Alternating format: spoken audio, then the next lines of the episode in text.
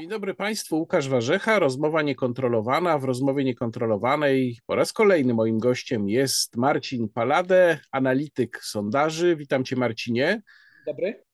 A zaprosiłem Cię między innymi dlatego, że widzowie chcieli, żebyś się znowu pojawił i nawet są takie sugestie i myślę, że ja tych sugestii posłucham, żeby, e, żebyśmy przed wyborami spotykali się co kilka tygodni po to, żeby omówić, co się nowego wydarzyło. Ostatnim razem rozmawialiśmy no niecałe dwa miesiące temu, to było w lutym.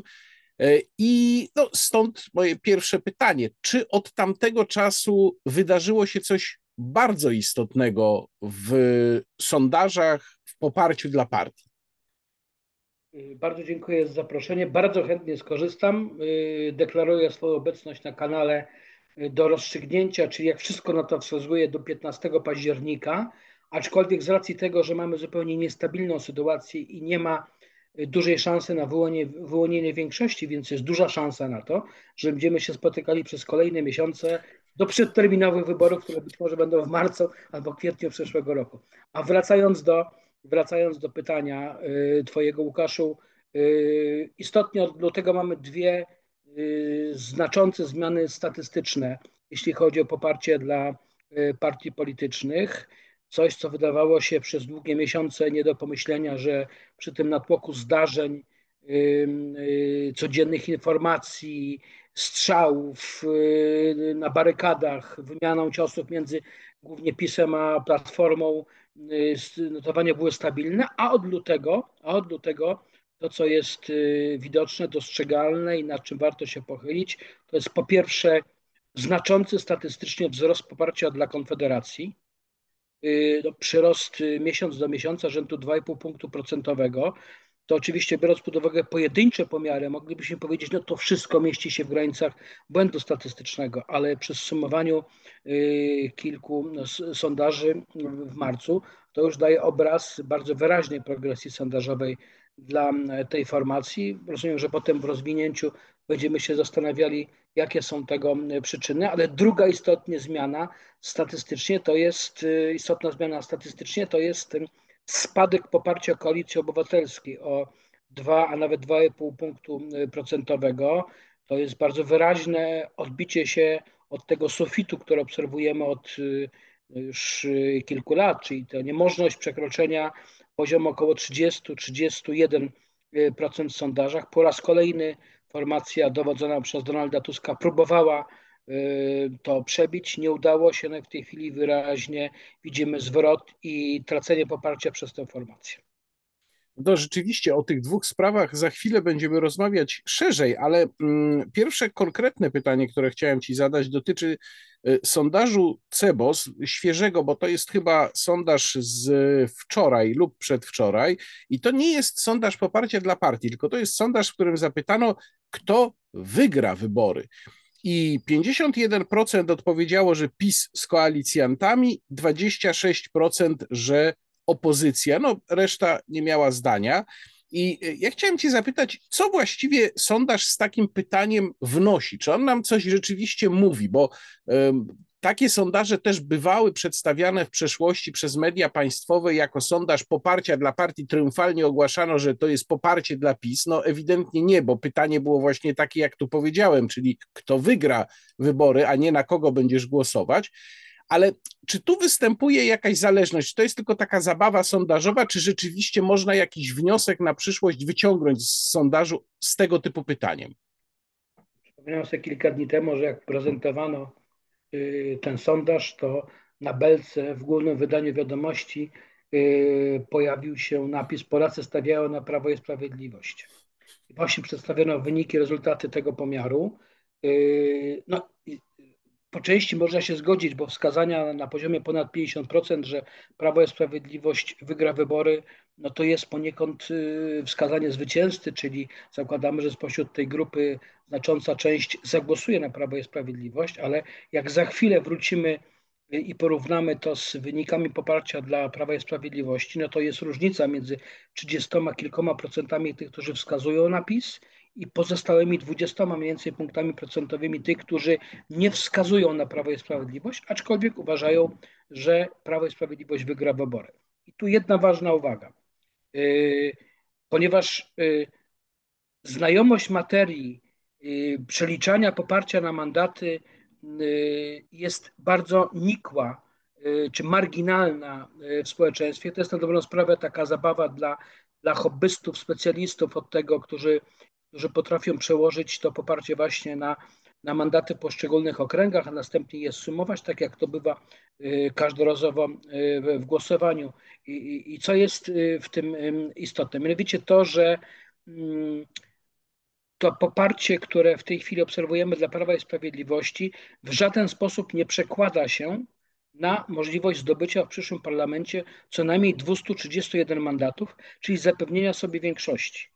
Ponieważ, tak jak mówię, ogół populacji nie rozróżnia wygranej w wyborach od dysponowania większością, no to ci, którzy wskazują, że PiS wygrywa, wskazują, że to może być najsilniejsza formacja, ale my mówimy stop.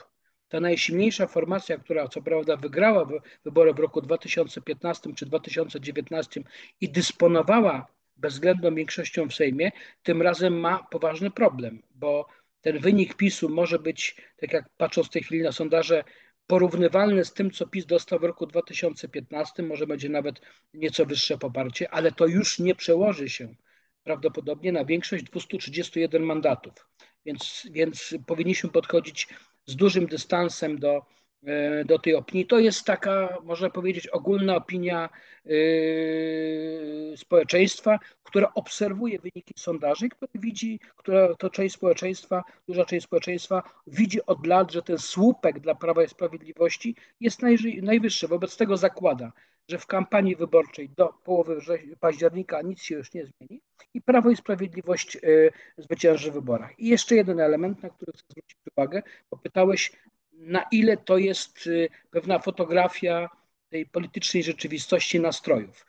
Mm, tego typu sondaże nie mają większego wpływu na notowania, tym niemniej pokazują kondycję po obu stronach barykady. Bo ile zakładamy, że w tej grupie ponad połowy Polaków, którzy mówią, że Prawo i Sprawiedliwość wygra w wyborach z całą pewnością, są w 100% przekonani o tym wyborcy PiSu, którzy nie tylko zagłosują, ale są przekonani, że to przełoży się na, na rządy Prawa i Sprawiedliwości. O tyle te dodatkowe 15-17 punktów procentowych, które są w tej puli ponad 50%, to są wyborcy antypisu, czyli wyborcy opozycji którzy mimo wskazywania swoich preferencji wyborczych na jedną, drugą czy trzecią partię, uważają, że to będzie poniekąd głos stracony w tym sensie, że i tak Prawo i Sprawiedliwość ma szansę te wybory wygrać i być może tworzyć większość.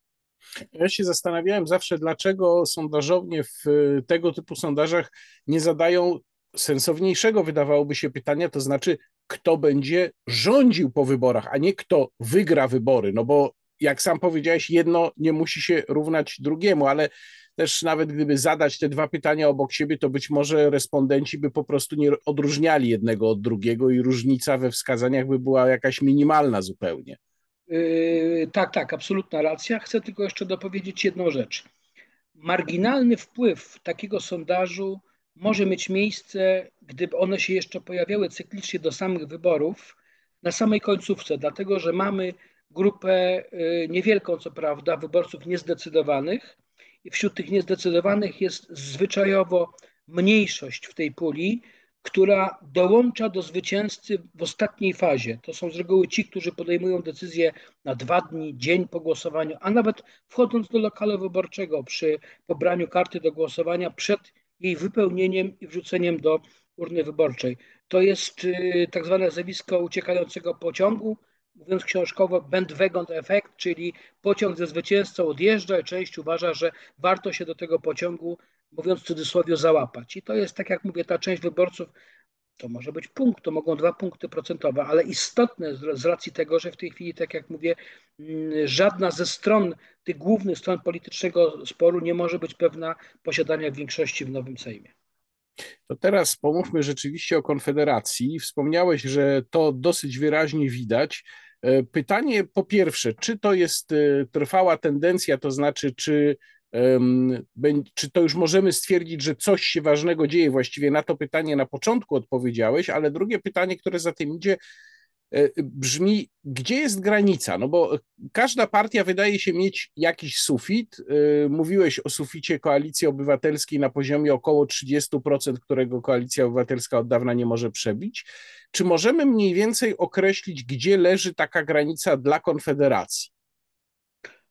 Do tej pory wydawało się, że tą granicą jest wynik około 10%, dlatego że przypomnę, że y, w dobie COVID-u, w tych pierwszych miesiącach, Konfederacja, umiejętnie plasując się w tej polaryzacji na, nazwijmy to, ugrupowania covidowe i, y, i Konfederację stojącą na gruncie tych wartości wolnościowych, ona zyskiwała. Zyskiwała i dotarła mniej więcej do, do wyniku dwucyfrowego. Potem po wybuchu wojny na Ukrainie ta polaryzacja y, pomagać, nie pomagać, wspierać, nie wspierać nie przyniosła efektów dla Konfederacji spowodowała spadek poparcia, a w tej chwili obserwujemy bardzo wyraźną odbudowę tego poparcia, bo jak gdyby jest nowa oś polaryzacji, która się pojawiła, o której pewno też za chwilę powiemy. I to spowodowało, że w tej chwili to średnie poparcie dla Konfederacji jest już powyżej 10% i gdzieś jest między 10,5 a 11,5% i oczywiście pytanie o to, czy to jest już sufit dla Konfederacji jest trudne trudne też do przewidzenia. Dlaczego? Dlatego, że o ile do tej pory wiedzieliśmy, że te 6, 7, 8% to jest policzalny elektorat Konfederacji, bo to jest mniej więcej tyle, ile uzyskała Konfederacja w wyborach w roku 2019, to jest też mniej więcej tyle, taki poziom wskazań, jaki uzyskał Krzysztof Bosak w pierwszej turze wyborów prezydenckich w roku 2020. O tyle to, co widzimy w ostatnich tygodniach, ten przypływ, to są już nowi wyborcy. Mniej więcej wiemy, skąd oni przychodzą.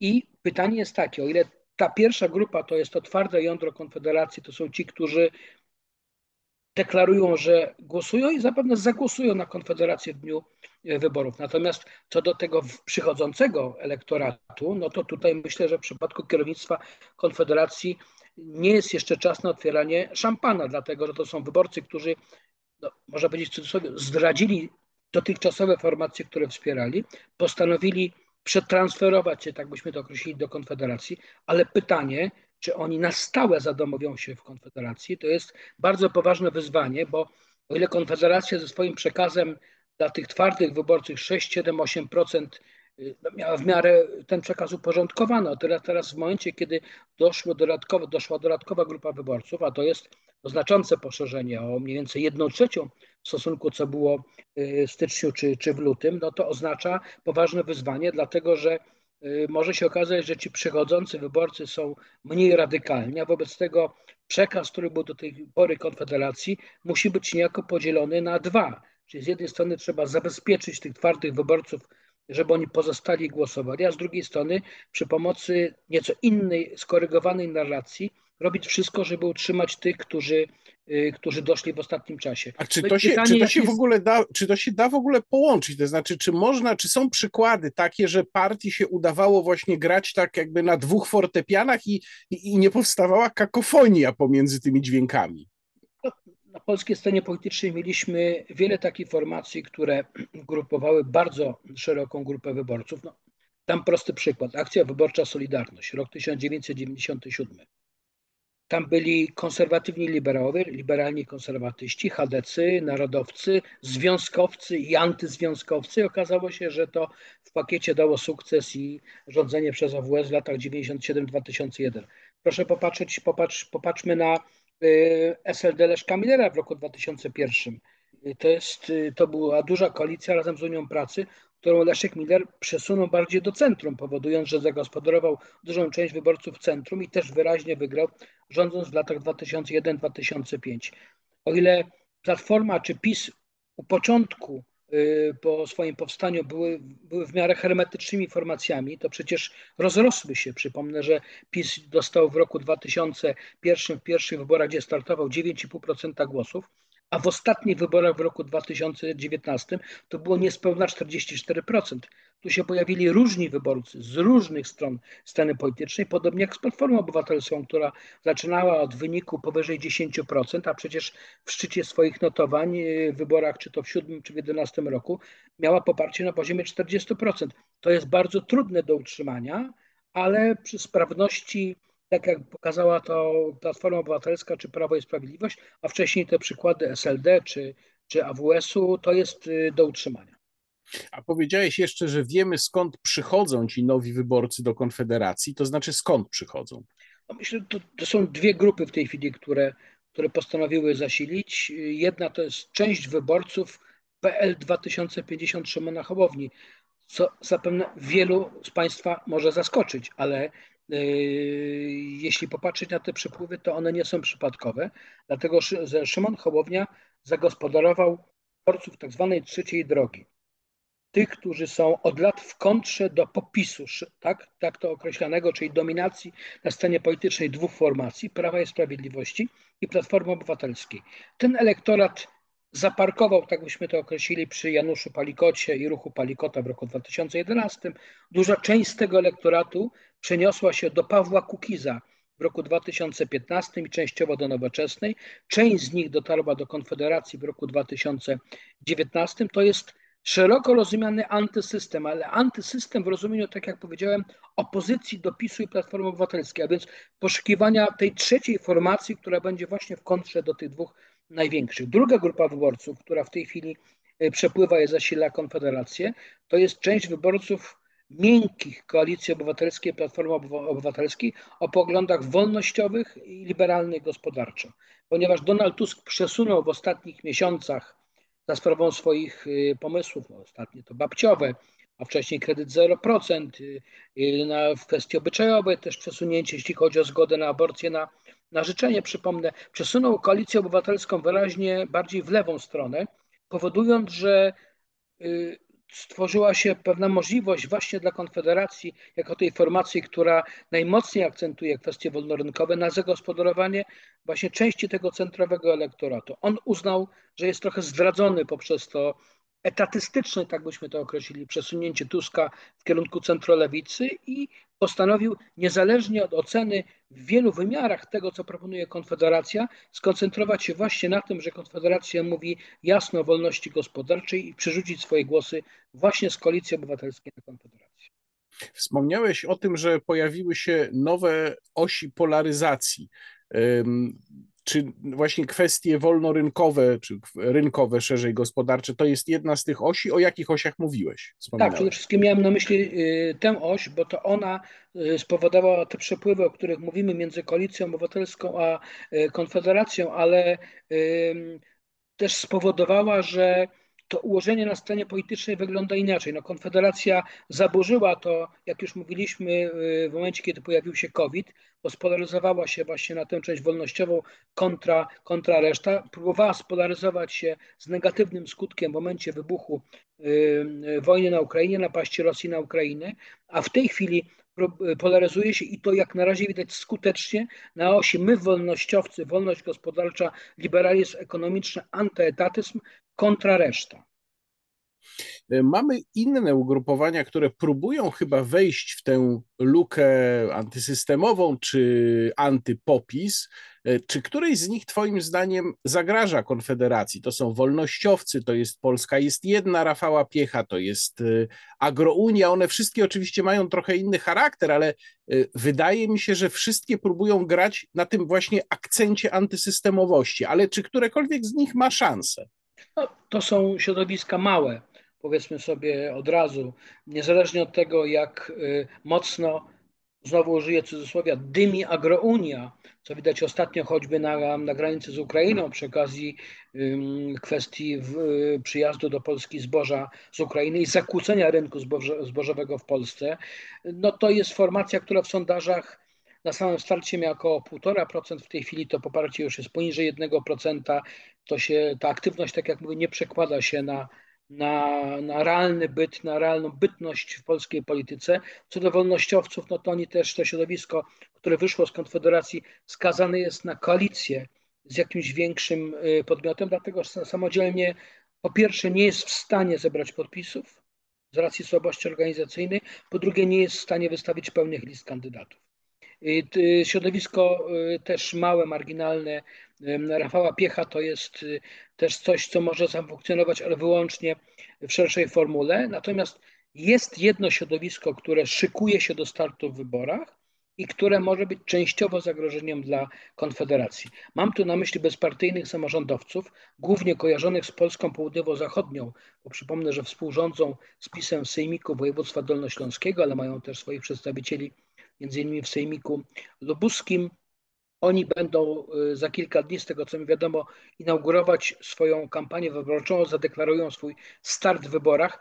On y, dwukrotnie już miał miejsce w formule nieudanej, przypomnę, do Parlamentu Europejskiego w maju 2019 y, roku i w wyborach parlamentarnych w październiku 2019 roku, na skutek tego, że nie udało się im zebrać podpisów w skali całego kraju. Tym razem, jeśli zdołają pokonać tę barierę, zbiorą podpisy co najmniej połowie okręgów wyborczych, tym samym rejestrując się we wszystkich 41 okręgach wyborczych, jeżeli skonstruują listy, jeżeli przyciągną do siebie samorządowców, ale nie tych kojarzonych z tak dla Polski Trzaskowskiego i największymi miastami, bo oni są wpisani w formułę startu, jak wiadomo, z y, opozycją, y, głównie z podznaku Koalicji Obywatelskiej w mniejszym stopniu Hołowni i y, PSL-u, to jeśli zbiorą podpisy, tak jak powiedziałem, jeśli stworzą listy wyborcze, to mogą liczyć na poparcie, które no w tej chwili w sondażach bez ich startu to jest jakieś 3-3,5%, natomiast moim zdaniem mogą pokusić o pokonanie progu 5% i to jest też prawdopodobnie oferta dla tych wyborców, którzy są na dystans wobec tej głównej wojny, która jest toczona od roku 2005 między PiSem a Platformą Obywatelską, a ponieważ, tak jak już powiedziałem wcześniej, część z tych bardziej umiarkowanych wyborców trafiła w tej chwili pod skrzydła Konfederacji, to być może na styku bezpartyjnych samorządowców i Konfederacji będą jakieś przepływy w jedną czy drugą stronę. To chyba to jest dobry moment, żeby zapytać y, o sprawę przeliczania głosów na mandaty, o której wspominałeś wcześniej, no bo widzimy, że o ile na czele stawki sytuacja jest mniej więcej stabilna, chociaż y, są spadki koalicji obywatelskiej, no to y, mogą być duże ruchy i są już duże ruchy w tej drugiej części stawki. No i stąd y, moje pytanie, kiedy byśmy wzięli mm, model przeliczania głosów na mandaty, jakie znaczenie ma właśnie to, co się dzieje w tej drugiej części stawki? Myślę, że wiele osób nie do końca to rozumie. Jakie znaczenie ma na przykład to, czy ile ugrupowań przekroczy nawet minimalnie próg 5% wchodząc do Sejmu. Co z tego wynika też dla tych dużych graczy? O, o prawidłach Donta można mówić wiele. To jest materia bardzo skomplikowana, tak jak mówiłem, dla e, hobbystów, specjalistów, e, ale absolutnie kluczowa dla zrozumienia tego, co się dzieje w dniu głosowania. Bo tak jak już mówiliśmy na wstępie, większość z nas przywiązuje wagę do wysokości słupków w ujęciu procentowym to ma znaczenie w sensie, żeby powiedzieć, to jest pierwszy, drugi czy trzeci. Natomiast musimy brać pod uwagę, że poparcie ogólnopolskie nie ma absolutnie żadnego znaczenia przy przeliczeniu poparcia na mandaty. Przepraszam, powiem tak, ma tylko jedno znaczenie, że w momencie, kiedy zbierane są dane na poziomie obwodów głosowania i okręgów wyborczych i szefowie okręgowych komisji wyborczych przesyłają dane do Państwowej Komisji Wyborczej, to ta tylko i wyłącznie na podstawie tych danych rozstrzyga, które partie przekroczyły próg wyborczy 5% dla partii bądź 8% dla koalicji i są dopuszczone do partycypacji, do, do podziału mandatów w okręgach wyborczych. I te dane są odsyłane i następnie wyłącznie na poziomie okręgów wyborczych dokonuje się przydziału mandatów, czyli Poparcie ma znaczenie wyłącznie na poziomie okręgu wyborczego. Są bardzo często sytuacje, które obserwujemy, że e, wydaje się, że wysokość słupka może pozwolić PiSowi na przykład na posiadanie e, większości w Sejmie, a potem się okazuje, że jak wrzucimy to do specjalnych kalkulatorów, y, które ma kilka osób w Polsce, no też mogę się nieskromnie pochwalić, że takim dysponuję, to na podstawie wyliczeń w 40 okręgach wyborczych może się okazać, że PiSowi brakuje dwóch, trzech czy czterech mandatów, prawda? Y, I teraz tak, jeśli to poparcie ma znaczenie y, właśnie na tym poziomie ogólnopolskim tylko na samym wstępie, to przywołamy przykład roku 2015, kiedy Prawo i Sprawiedliwość dysponowała poparciem na poziomie 37%, a to i tak przełożyło się na 235 mandatów w Sejmie. Dlaczego tak się stało? No teoretycznie na tym poziomie poparcia Y, nie, było możliwości, nie byłoby możliwości uzyskania bezwzględnej większości przez PiS, no wystarczy popatrzeć na wynik akcji wyborczej Solidarność w 1997 roku, SLD, które dostało, przypomnę, 41%, a nie miało większości, czy Platformy w 2007 czy 2011 roku, gdzie to poparcie było powyżej wyniku PiSu w roku 2015, a nie było y, bezwzględnej większości. Dlaczego? Dlatego, że dwa komitety wyborcze, Korwin i Lewica nie przekroczyły odpowiednio progu dla partii i koalicji partii. To spowodowało, że na tym poziomie, gdzie dzieli się mandaty, te dwa komitety zostały wyłączone. A ponieważ Prawo i Sprawiedliwość miało sporą przewagę nad kolejną formacją, yy, która startowała, czyli Platformą Obywatelską, tym samym dostała ekstra, pre, tym samym Prawo i Sprawiedliwość dostała ekstra premię w każdym okręgu wyborczym właśnie na skutek wyeliminowania yy, partii Korwin i Lewicy, co przyłożyło się na 235 mandatów. Dla porównania, w roku 2019 Prawo i Sprawiedliwość zyskało prawie 7 punktów procentowych w stosunku do wyniku z roku 2015. No i można było powiedzieć, skoro zyskali 7 punktów procentowych, to z całą pewnością zyskają też sporo więcej mandatów. Nic podobnego. Przypomnę, że w roku 2019 Prawo i Sprawiedliwość wprowadziło 235 posłów, czyli mieliśmy absolutny konstans, brak zmian w stosunku do roku 15, mimo, tak jak powiedziałem, znaczącego wzrostu poparcia w ujęciu, w ujęciu procentowym. Dlaczego tak się stało? Dlatego, że wszystkie komitety ogólnopolskie przekroczyły próg wyborczy, łącznie z ostatnią konfederacją, która uzyskała niespełna 7% poparcia. I to spowodowało, że ten skomplikowany podział mandatów w, w okręgach nie dał progresji ekstra e, mandatowej dla Prawa i Sprawiedliwości i sprawił, że ta formacja, tak jak mówiłem, i w 15 i 19 roku dysponowała tylko nieznaczną większością e, w Sejmie. Można z tego wysnuć taki ogólny, no bardzo ogólny powiedzmy wniosek, że dla wygrywającego, zwłaszcza jeżeli on ma sporą przewagę na tym ogólnopolskim poziomie, korzystne jest, jeżeli więcej komitetów y, zbierze podpisy w całej Polsce, będzie miało w całej Polsce listy, ale jakaś część z nich nie przekroczy progu i wtedy ta premia dla wygrywającego jest stosunkowo największa. Dokładnie tak. PiS był beneficjentem tego, o czym mówisz w roku 2015, ale nie był już beneficjentem tego w, ro w roku 2019, tak jak powiedziałem, na skutek przekroczenia wszystkich komitetów ogólnopolskich, przekroczenia progu wyborczego przez wszystkie komitety y, ogólnopolskie. Jest kilka takich prawideł, o których y, chciałbym wspomnieć. Oczywiście kluczowe znaczenie to jest liczba komitetów, które przekraczają próg, które partycypują w podziale mandatów. Ważne jest to, jaka jest odległość między pierwszym a drugim ugrupowaniem, właśnie dla podziału mandatów w okręgu. Ważna jest odległość między drugim a trzecim ugrupowaniem. Ważne jest to, ile komitetów przekracza mniej więcej poziom poparcia na poziomie 12-13%. Dlaczego? Dlatego, że wyjąwszy Polskie Stronnictwo Ludowe, które ma specyficzną sytuację, jeśli chodzi o o przełożenie poparcia na mandaty, ponieważ ma ekstra bonusy w części wschodniej, południowo-wschodniej na skutek y, bardzo dobrych notowań. Wobec tego zwykle poparcie dla PSL oznacza też zmultiplikowaną liczbę mandatów, ale w przypadku pozostałych ugrupowań, co pokazują wyniki wyborów w 19, w 15 roku i wcześniej, między poziomem 5% a 12% nie ma premii mandatowej. Czyli generalnie jest tak, że w tym przedziale między 5 powiedzmy a 7, a 8 rzadko się zdarza, żeby poparcie wyrażone w procentach przekładało się na procentowy udział mandatów. Czyli więcej zakładając, że partia X otrzymuje 6% y, y, poparcia, ma też 6% y, swojej reprezentacji w parlamencie. Więcej między poziomem 8 a 12% ta sytuacja zaczyna się wyrównywać i dopiero powyżej 12, a nawet 13% w przypadku niektórych formacji politycznych jest ekstra premia polegająca na tym, że to poparcie wyrażone w ujęciu procentowym przekłada się na co najmniej, co najmniej tyle, jeśli nie więcej, jeśli chodzi o procentowy udział w składzie parlamentu no to można powiedzieć, że to jest duże wyzwanie też dla Konfederacji, która by pewnie chciała się znaleźć w tej uprzywilejowanej grupie, a jest w tej chwili, tak powiedzmy, na granicy, w zależności od sondażu oczywiście. Znaczy w tej chwili, ponieważ tak jak mówiliśmy, to poparcie dla Konfederacji jest między, w przedziale między 10,5 a 11,5%, to te przeliczenia tego poparcia na mandaty daje mniej więcej reprezentację, czy prognozowaną prezentację w przedziale między 40 a 47 mandatów, czyli można powiedzieć, że Konfederacja, no już zbliżając się do poziomu tylko 12% tej bariery 12%, mniej więcej ma zachowany status quo między poparciem wyrażonym w ujęciu procentowym, a procentowym udziałem swojej reprezentacji w parlamencie.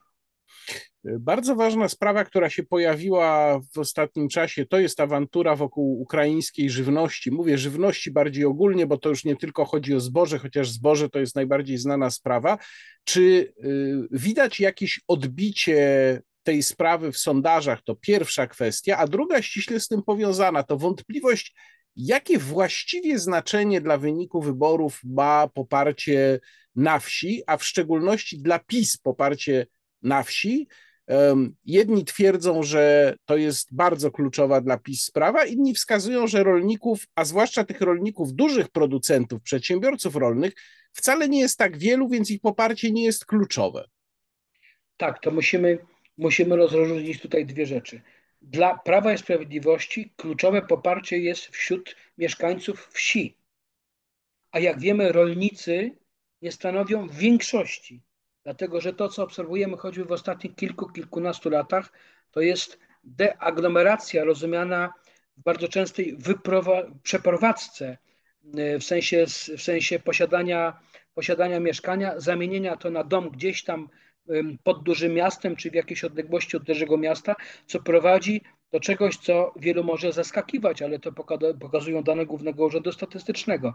Liczba mieszkańców wsi nie spada a wręcz przeciwnie, w ostatnim czasie obserwujemy, że odsetek tych, którzy mieszkają na wsi, nieznacznie rośnie w stosunku do, w stosunku do e, mieszkańców miast, czyli mamy coś, co można by określić procesem deurbanizacji, no, co trochę jak gdyby stoi w sprzeczności z pewnymi trendami światowymi, które obserwujemy. To dotyczy Europy Zachodniej, Stanów Zjednoczonych czy, czy, czy, czy nawet Azji. W Polsce yy, ten odsetek jest na tyle duży i ta grupa mieszkańców wsi jest na tyle znacząca, co Prawo i Sprawiedliwość ma w, w, pełni świadomość, bo przypomnę, że grubo ponad połowa wyborców, mieszkańców wsi głosowała właśnie na PiS w roku 2019. Głosowała także bardzo wyraźnie na Andrzeja Dudę, dając mu drugą kadencję w roku 2020. I można powiedzieć, że PiS bez wsi nie istnieje politycznie. Innymi słowy, musi chuchać i dmuchać na polską wieś po to, żeby utrzymać swoje poparcie na poziomie co najmniej 35-36%. Właśnie bez tych wyborców wsi znacząco głosujących na Prawo i Sprawiedliwość notowania PiSu w tej chwili byłyby bardziej w przedziale 30-35, a nie powyżej 35 czy 36%. Y, Oddzielna grupa, tak jak mówię, to jest ta mniejszość wśród mieszkańców wsi, to są rolnicy, a jeszcze można powiedzieć mniejszość z tej mniejszości to są, jak powiedziałeś, nazwijmy to farmerzy, czyli ci bogaci rolnicy, którzy dysponują setkami, a niektórzy tysiącami e, hektarów, którzy mają bardzo nowoczesny sprzęt, którzy są bardzo mocno scyfryzowani. Ta ostatnia grupa, o której mówię, to nie są, e, to nie są sympatycy w dużej mierze Prawa i Sprawiedliwości. Badania pokazują, że e, ci bogaci rolnicy, farmerzy raczej sytuują swoje sympatie polityczne przy formacjach szeroko rozumianego centrum. Oferta Prawa i Sprawiedliwości skierowana y, dla mieszkańców wsi, z którymi razem oni zamieszkują jako bogaci farmerzy. To jest w dużej mierze oferta wsparcia socjalnego czy, czy, czy, czy, czy, czy pomocy socjalnej.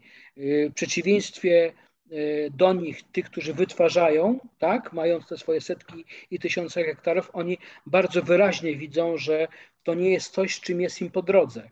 To jest ta oferta PiSu, ta oferta socjalna, o której mówimy, zadowala większościową grupę mieszkającą na wsi, natomiast z całą pewnością nie zadowala właśnie tych bogatych farmerów, którzy, tak jak powiedziałem, sytuują swoje sympatie bliżej szeroko rozumianego centrum. No właśnie, no i, i, i, stąd pytanie, jakie naprawdę znaczenie ma to, co się dzieje wokół ukraińskiej żywności dla wyniku wyborów i czy y, odnotowałeś jakikolwiek wpływ tej sprawy na sondaże? Jeszcze tego nie ma, jeszcze tego nie ma, ale podkreślam jeszcze, dlatego że yy, wbrew takiemu mniemaniu, że jakieś zdarzenie, przykładowo wczoraj z godziny 16 czy dzisiaj z godziny 8 może mieć wpływ na yy, sympatię i, i odzwierciedlać od razu zmianę tych preferencji w, w, badaniu dzisiaj, jutro czy pojutrze. To często są procesy, które dokonują się przez kilkanaście dni, a nawet tygodni, kiedy konsumpcja danego zdarzenia czy szeregu zdarzeń może wpływać na zmianę preferencji wyborczych.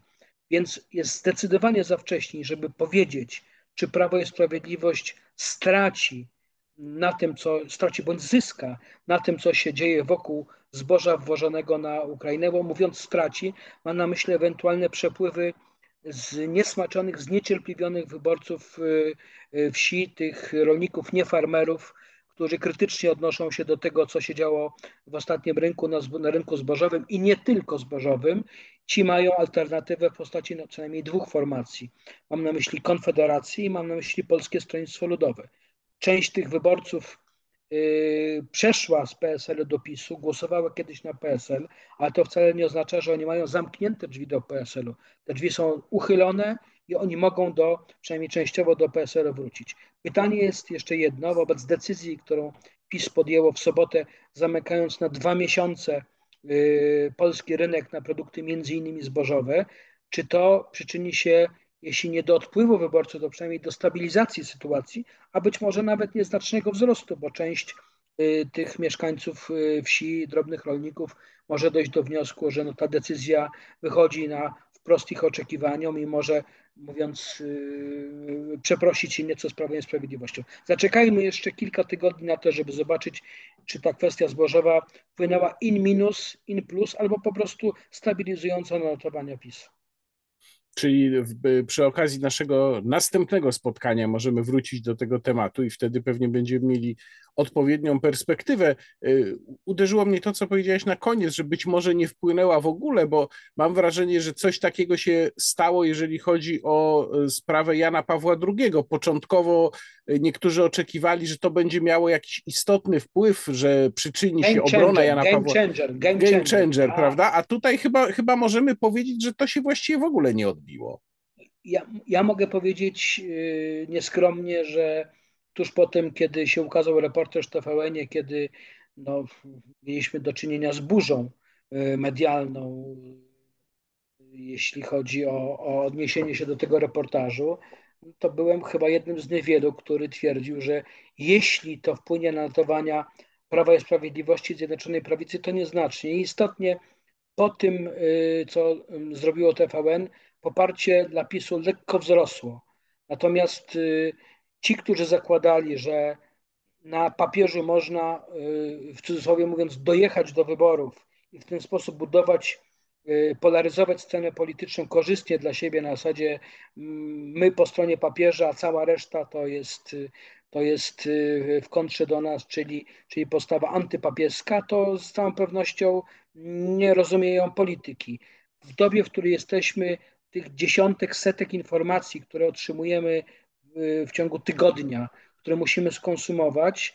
Oczywiście ta sprawa papieża miała jakieś tam znaczenie, natomiast nie jest jedynym wyznacznikiem czy jedynym elementem wpływającym na preferencje wyborcze y, dużej części y, wyborców.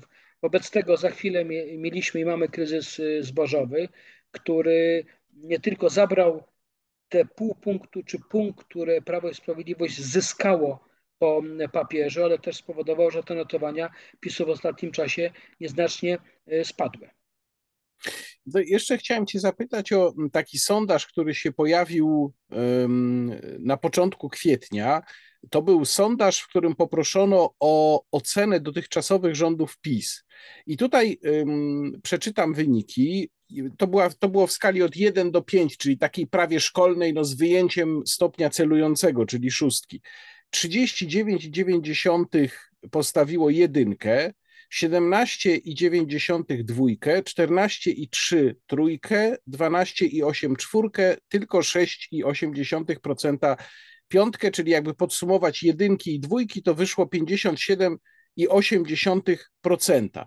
Czy tego typu sondaże, czyli takie, gdzie wyborcy wyrażają opinię na temat rządu, mają jakieś znaczenie w przewidywaniu wyniku wyborów. Pytam dlatego, że no niektórzy, właściwie moja intuicja też trochę taka jest, są skłonni mówić, no dobrze, no ale jakie oceny ma mieć jakikolwiek rząd po siedmiu latach rządzenia? Zawsze będzie tak, że taka władza jest zużyta i te oceny będą w przeważającej y, części negatywne. Czy rzeczywiście tak jest? Co do tego ostatniego, y, zgadzam się. No to jest naturalny proces. Obserwowaliśmy go choćby w przypadku Platformy Obywatelskiej 14-15 rok, to był już w dużej mierze rozkład i degeneracja tej formacji. Zjawiska y, podobne obserwujemy teraz w przypadku rządów Prawa i Sprawiedliwości Zjednoczonej Prawicy, ale co różni PiS od y, Platformy Obywatelskiej z lat 14-15, PiS znacząco nie utracił poparcia. Oczywiście jest spadek w stosunku do wyniku z roku 19, no ale nie ma aż tak widocznego spadku, który obserwowaliśmy w latach 14-15 między wynikiem Platformy z roku 11, a wynikiem Platformy z roku 15. I, i cytowałeś wyniki tego sondażu to był chyba sondaż dla Rzeczpospolitej, jeżeli dobrze pamiętam. Tak, tak, zgadza się. I, i to, była, y, to było chyba SW Research, jeżeli yy... dobrze pamiętam. Jeżeli to mi się uda, to zaraz Research, sprawdzę. To jest, to jest, y, jeżeli to jest SW tak, Research... zgadza się, to, tak, tak, tak, tak to SW powiem tak, Research, tak. tak. Nie zaskoczyło mnie to. SW Research robi cyklicznie badania dla Rzeczpospolitej.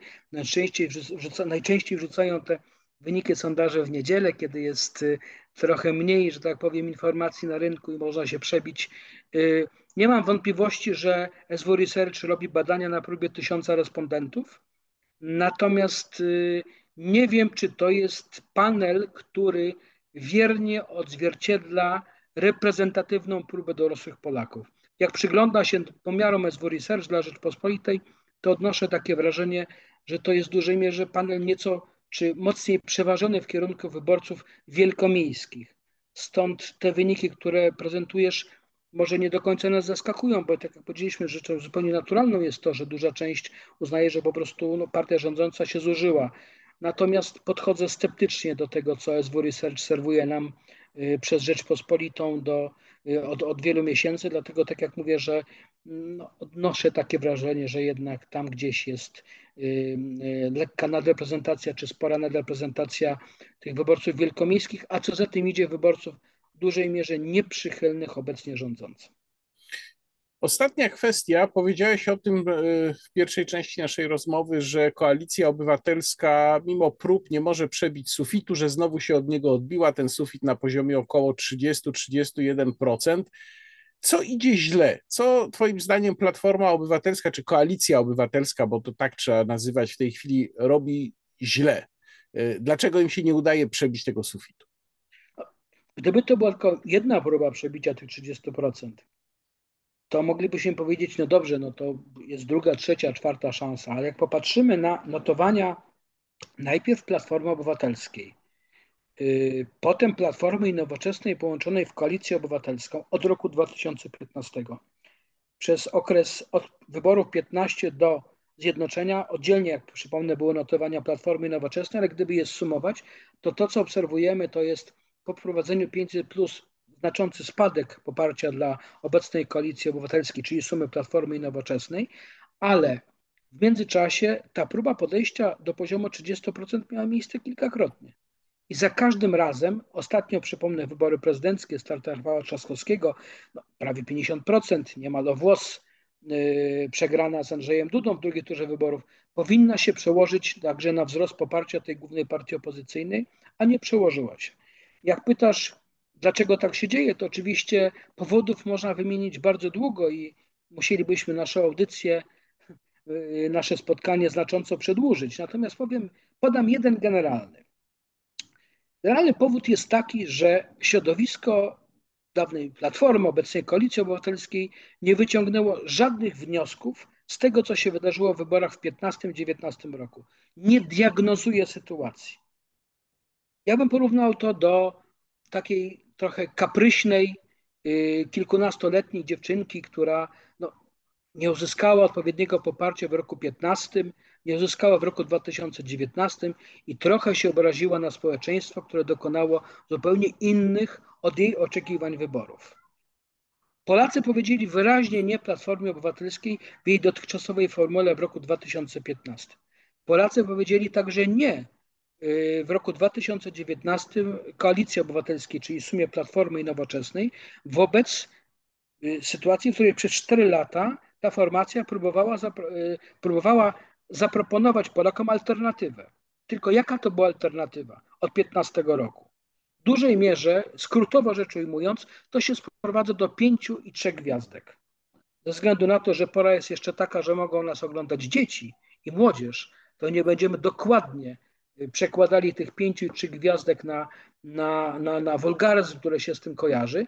Tym niemniej to obrazuje stan i kondycję głównej partii opozycyjnej, czyli kompletną negację tego wszystkiego, co wydarzyło się po roku 2015, mimo że dostępne wskaźniki, czy większość wskaźników pokazuje, że społeczeństwo może mieć dystans, duża część społeczeństwa do rządzących, tym niemniej, tym niemniej kwestia na przykład zrealizowania części obietnic wyborczych, yy, yy, ten, kwestia na przykład bezpieczeństwa, która jest bardzo istotna dla Polaków i w związku z tym yy, jakaś forma przynajmniej pośredniego poparcia dla tego, co robi Prawo i Sprawiedliwość, Zjednoczona Prawica, to są te elementy, które wpływają na w dużej mierze stabilizację notowań i na sytuację, w której pomimo zużywania się władzy, o której już mówiliśmy, główna partia opozycyjna nie jest tego beneficjentem. Rzecz naturalna, jeśli popatrzeć na notowania choćby Prawa i Sprawiedliwości, że to zużycie się Platformy w latach 2007 czy bardziej 11-15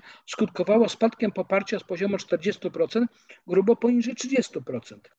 Także po części beneficjentem tego było Prawo i Sprawiedliwość, które wygrało wybory w roku 2015, poprawiając swój wynik w stosunku do wyborów z roku 2011. Platforma, koalicja nie poprawia, jest cały czas na tym samym poziomie dwudziestu kilku, podchodząc po 30% i się z tego poziomu cofając. Dopóki nie będzie refleksji, a przypomnę, że minęło już 7,5 roku, do wyborów zostało nam 6 miesięcy, można odnieść wrażenie, że kierownictwie Koalicji Obywatelskiej, wcześniej Platformy, niezależnie od tego, kto stał na czele tej formacji, dalej jest to, o czym wspomniałem na samym wstępie. Przekonanie, że to my wszystko, co robimy, robimy dobrze, to to lekko głupawe społeczeństwo nie do końca rozumie, nie do końca rozumie, jak dobre rzeczy mamy do zaproponowania, do zaproponowania Polsce. I dopóki w tym śnie y, władze Koalicji Obywatelskiej będą funkcjonowały tak, jak jest to od lat, dopóty nie ma szans na to, żeby sytuacja się zmieniła, czyli żeby Koalicja Obywatelska, o czym bardzo marzy, doścignęła i wyprzedziła Prawo i Sprawiedliwość w sondażach. Bardzo dziękuję za rozmowę. Moim gościem był Marcin Palade, analityk sondaży. Dziękuję Ci, Marcinie. Dziękuję. I wrócimy y, do tych rozmów, y, wrócimy do tych tematów za kilka tygodni ponownie w rozmowie niekontrolowanej. A na dzisiaj to wszystko. Do zobaczenia. Łukasz Warzecha, kłaniam się.